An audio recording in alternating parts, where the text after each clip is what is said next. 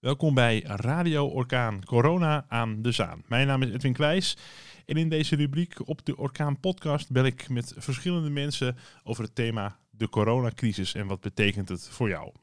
Wat betekent het voor de juridische wereld? Ik vraag het aan Mark-Jan Bouwman. Hij is advocaat en rechter. Met Mark-Jan Bouwman. Dag Mark-Jan Bouwman. We hebben afgesproken te tutoyeren. Je bent uh, Ja, advocaat en rechter. En jij kan Ja, ons meer vertellen over wat eh, de coronacrisis betekent in de, nou, eigenlijk de, de wereld van de, van de advocaten en de rechters. Hè? Want, eh, want hoe ziet jouw eh, werk er nu uit? Wat, wat kun je nu wel en niet doen? Ja, dat is, dat is meteen twee keer schieten eh, eh, en, eh, en, eh, en één keer prijs. Of één keer prijs. Eh, bedoel ik. Ehm, ja, mijn, mijn, mijn eh, eh, werkdag als advocaat is, eh, is heel erg veranderd. Ehm, wij hebben op kantoor eigenlijk vrij snel besloten om thuis te werken. Dus wij werken allemaal ja, digitaal thuis. En onze secretaresse is op, is op kantoor en die print dingen uit en die verstuurt nog dingen per post voor zover dat nog moet gebeuren. Eh, en ja, feitelijk ligt het gros van de werkzaamheden ligt, stil. Er zijn geen zittingen meer.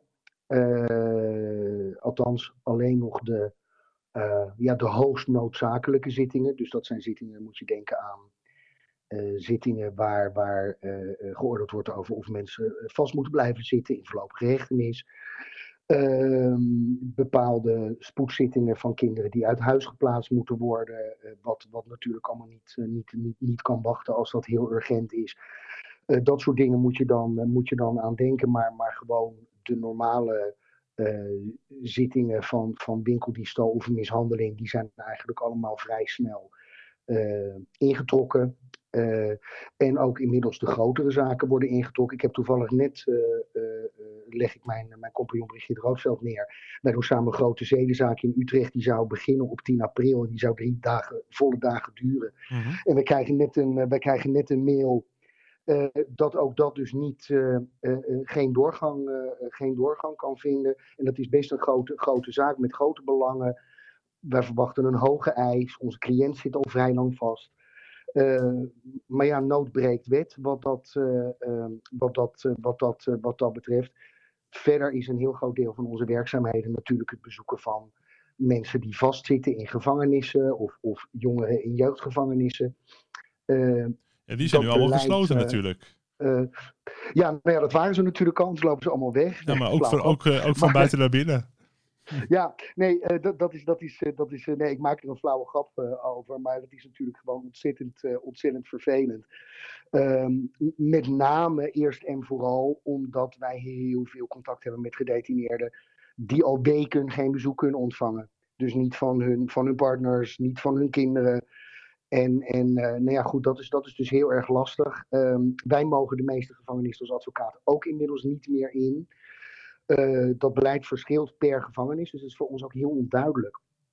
Eh, omdat er eh, ja, de ene gevangenis zegt je mag er helemaal niet in, andere gevangenissen zeggen van ja, als je iets dringends moet voorbereiden, bijvoorbeeld zoals wat ik net zei, een zitting over iemand die wellicht vrijgelaten kan worden door de rechtbank, ja, dan moeten we toch voorbereiden en dan moet je dan gaan aantonen dat die zitting aankomt en door allemaal hoepels heen springen. En dan mag je bij de gratie gods mag je nog wel naar binnen, maar dat is, ja, dat, dat, dat, dat, dat zijn ook eigenlijk de uitzonderingen. En wat Dus zijn de dat, eh, alternatieven dat- die worden... Welke alternatieven worden er dan geboden? Om toch contact te hebben met je cliënt, zeg maar? ja, bellen. Dat wordt niet verruimd. Nee, wat ik heb begrepen, ik zei heel stellig, het wordt niet verruimd. Dat, dat is misschien wat te stellig. Wat ik hoor van, van, van de gedetineerde cliënten van ons kantoor, is dat ehm, er wel wordt gezegd in sommige gevangenissen, ja, er, is ter compensatie van het gem- ge- ge- gemis aan, aan familiebezoek, mogen jullie extra bellen. Maar uiteindelijk komt dat in veel inrichtingen er toch op neer dat ook de vraag om te bellen dan weer stijgt. En ik had eh, toevallig had ik van de week een, een gedetineerde cliënt aan de telefoon. Die zei: Ja, sorry Mark, maar ik moet nu ophangen, want er staan nog tien mensen aan, aan mijn schouder eh, te rukken. Die willen ook allemaal bellen. Ja, dan wordt het dringen Eh, bij, de, bij de telefoon, eh, zeg Dan, maar. wordt Ja. het dringen, dan wordt het dringen bij de telefoon. En dan is het ook vaak tot de grootste en de breedste dan het langste mag bellen op de een of andere manier. Dus ja, dat, dat, dan wordt het een beetje de rest van de sterkste. Dat is natuurlijk ook nooit de bedoeling. Ja, en dan wordt het ook, de sfeer wordt dan ook grimmiger binnen de gevangenis. Dat, uh, dat gevangenen natuurlijk ja. willen bellen en, en minder dingen mogen dan normaal. En dat wordt toch kribbig ja. dan. Spanning, spanning, spanning loopt enorm op. Spanning loopt enorm op. Dat merken wij gewoon eigenlijk elke dag. Wij worden nog steeds wel ontzettend veel gebeld. En dan ook met name door, door, door gedetineerde cliënten. Van wat, wat er nu weer gebeurt. En, en ja, inderdaad, de spanning, de spanning loopt, loopt, loopt enorm op. En ja, vaak is het natuurlijk zo dat ook de spanning in een inrichting een beetje gedempt wordt door het gebruik van, van, uh, van softdrugs. Maar ja, als er allemaal extra gekeken wordt naar wie mag er wel in en wie mag er niet in en er mag bijna niemand meer in, ja, dan zal denk ik ook die aanvoerlijn een beetje zijn afgesneden. Dus dat zal ook niet helpen. Hey, en als ik nu uh, denk van nou, de, de, alle rechtszaken, alles ligt stil. Uh, ik kan nu wel naar de stad gaan en alle regels aan mijn laars lappen. Ik neem uh, eventjes wat leuke dingen mee uit, de, uit de winkel zonder te betalen. En ik, ik, doe, ik overval nog even een paar bejaarde vrouwtjes die nog vrij rondlopen, mocht het zo zijn. en dingen. Kom ik, kom ik er niet in de problemen? Gebeurt er niks? Of kan nee, ik beter nee, dan toch een advocaat bellen? Ja, nee, dan, dan, dan, dan moet je zeker een advocaat bellen. En bij voorkeur een advocaat van mijn kantoor, uiteraard. Uh, nee, maar, maar het, is, het, is, het is natuurlijk dat, soort, de, dat soort dingen. Dat, dat loopt in die zin loopt dat gewoon, uh, gewoon door. En heel flauw gezegd, daar heeft de politie ook weer meer tijd voor. Uh, om, omdat het natuurlijk gewoon rustiger is met, met, met andere dingen. Geplande verhoren bijvoorbeeld worden ook allemaal afge, uh, afgezegd. Dus eigenlijk richt de, de, focus van de politie zich nu echt op de dingen die nu op heterdaad gebeuren. Uh, dus dat, dat betekent dat dat in die zin Um, gewoon wel, heb ik in ieder geval het idee, door de politie uh, wordt opgepakt. Nou ja, goed, je hebt misschien ook ge gezien in de pers vandaag dat er weer een rechtszaak was van iemand en die had weer tegen iemand uh, in zijn gezicht gehoest en tegen iemand gezegd van, uh, van nu heb jij corona en je gaat dood. En je gaat oh, heel kwalijk, ja. Daar wordt, daar wordt heel streng tegen opgetreden, merk ik in ieder geval alle... Daar, daar, gaan mensen ook gewoon, althans gewoon, maar daar gaan mensen voor in de voorlopige hechtenis. En mensen komen op snelrecht en mensen krijgen gewoon een paar weken gevangenisstraf. Um, waar, waar, dat normaliter niet gebeurt. Dus ik, ik zou me ook zo kunnen voorstellen dat op het moment dat iemand van, van, van deze situatie gebruik maakt door uh, uh, is te zeggen van nou ik ga eens even een, winkeldiefstal uh, plegen, want mensen durven toch niet dicht in mijn buurt te komen. Ik zeg maar even wat. Denk ik dat daar juist harder wordt, wordt gestraft. Ja, wat, wat, wij wel merken is, is de inbraken nemen natuurlijk Ehm, af, omdat eh, ja, iedereen zit thuis. Iedereen is thuis. Ja, dat dus is een voor, bijkomend voordeel. De, de, woninginbraken nemen af en de, en de bedrijven zijn natuurlijk voor een deel dicht. Dus daar is ook niet heel veel te halen.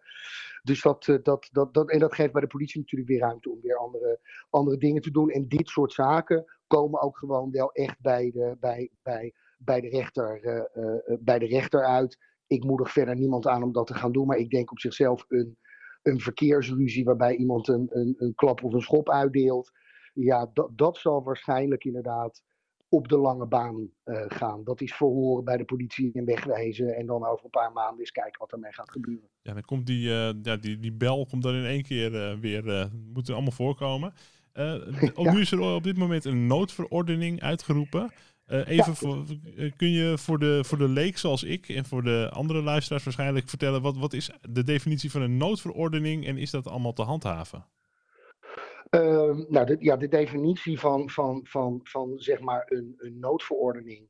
Ja, goed, de, de, uh, het, woord zegt het, het woord zegt het al. Het is een, een, een verordening, een regelgeving, zeg maar voor een uitzonderlijke situatie, voor een, voor een geval van, van nood, om het maar even zo te, uh, zo te, zo, zo, te zeggen. En um, het is zeg maar een lokale regelgeving. Dus, dus we hebben bijna allemaal die persconferentie gezien waarin werd aangekondigd.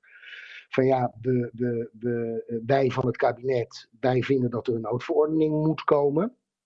Um, vervolgens gaan de gemeentes, uh, de veiligheidsregio's, om het nog even uh, wat, wat, wat, concreter te, te, zeggen, die gaan lokaal dat ehm, dat opstellen. Dat is een model, dus dat is eigenlijk in elke gemeente hetzelfde. En die gaan dat dan publiceren en dan geldt die noodverordening. Je moet het in die zin een beetje vergelijken met, met een algemene plaatselijke verordening. Daarin kan, kan een gemeente ook bepaalde gemeentelijke, uh, gemeentelijke wetgeving uh, maken. en daar was ook een klein beetje, als het te technisch wordt moet je het zeggen, maar er was ook een klein beetje onduidelijkheid over. Maar over de handhaving vind ik het wel belangrijk om dat even te noemen. Daar is door de minister gezegd van ja, dat zijn dingen die worden bestraft met geldboetes. En dat is niet helemaal correct. Uh, want een overtreding van de APV wordt, wordt uh, bestraft met een geldboete. Uh, een overtreding van deze noodverordening, daar staat een hechtenisstraf op van drie maanden maximaal. Dus dat is nog eens fors, forser, um, ja, forser ingestoken qua, qua, qua, qua strafbedreiging. juist ook omdat het natuurlijk in een hele uitzonderlijke situatie toegepast wordt. En het echte bedoeling is dat mensen zich daaraan houden. Ja, en de burgemeesters krijgen, tenminste zo komt het, kwam het op mij over toen ik de persconferenties keek vanuit het kabinet, dat de burgemeesters meer macht krijgen hierin. Klopt dat? Uh, ja, nou ja, de burgemeesters hebben die macht op, zich, op zichzelf, hebben die die macht al op grond van de gemeentewet. Maar dat ze wat, wat meer eh, kunnen aansturen per wat in die gemeente belangrijk is. Grote steden zijn weer anders dan kleine dorpen, et cetera. Ja, nee, dat, ja, ja, ja dat, dat, dat, dat klopt inderdaad. Dus, dus ik lees nu toevallig net uh, een pushbericht van het Parool. Ik woon zelf in Amsterdam. En in dat pushbericht wordt gezegd: burgemeester Halsema sluit de voetbalkooien en sluit de kruifkoorts. Dus dat is echt een, een, uh, uh, ja, een echt op de, op de lokale situatie toegesneden bevoegdheid. Um, uh, waarbij een burgemeester zelf inderdaad de afweging mag maken. Hoe ver ga ik daarin? Dus het is niet zo dat centraal in Nederland alle voetbalkooien nu worden gesloten. Maar deze burgemeester van Amsterdam die zegt nu van nou, dat mag niet. We gaan ze sluiten. Je mag er niet meer, uh, je mag er niet meer komen. En dan kom je dus op het handhaaf. Uh, het handhavingsaspect. Ook dat zal waarschijnlijk van gemeente tot gemeente verschillen. Ja, dus daar kunnen ze Want dat mogen ze zelf ook bepalen. Wat er nodig is. Ik kan me net voorstellen, zoals ik zei, een groot verschil tussen de grote steden en uh, kleinere gemeentes met dorpen. Ja. Dat uh, ja, wat in de grote stad speelt, in die dorpen helemaal niet speelt. En, en andersom. Ja, klopt. Ik denk dat we aardig zijn bijgepraat. Top. Bedankt uh, voor deze informatie, uh, Mark-Jan Bouwman. En uh, Heel graag nou, gedaan. mochten er nog grote vragen binnenkomen, dan weten we je te vinden. En we hopen dat de, de, dat de crisis snel voorbij is en het werk weer kan worden voortgezet. Want dat gaat allemaal dat, gewoon door. ja, dat help ik met je mee. Dat help de misdaad zit in de mens, zeggen we dan maar. Ja. het schijnt, hè? Oké, okay, hey, fijne avond. Ik sprak met advocaat en rechter Mark-Jan Bouwman.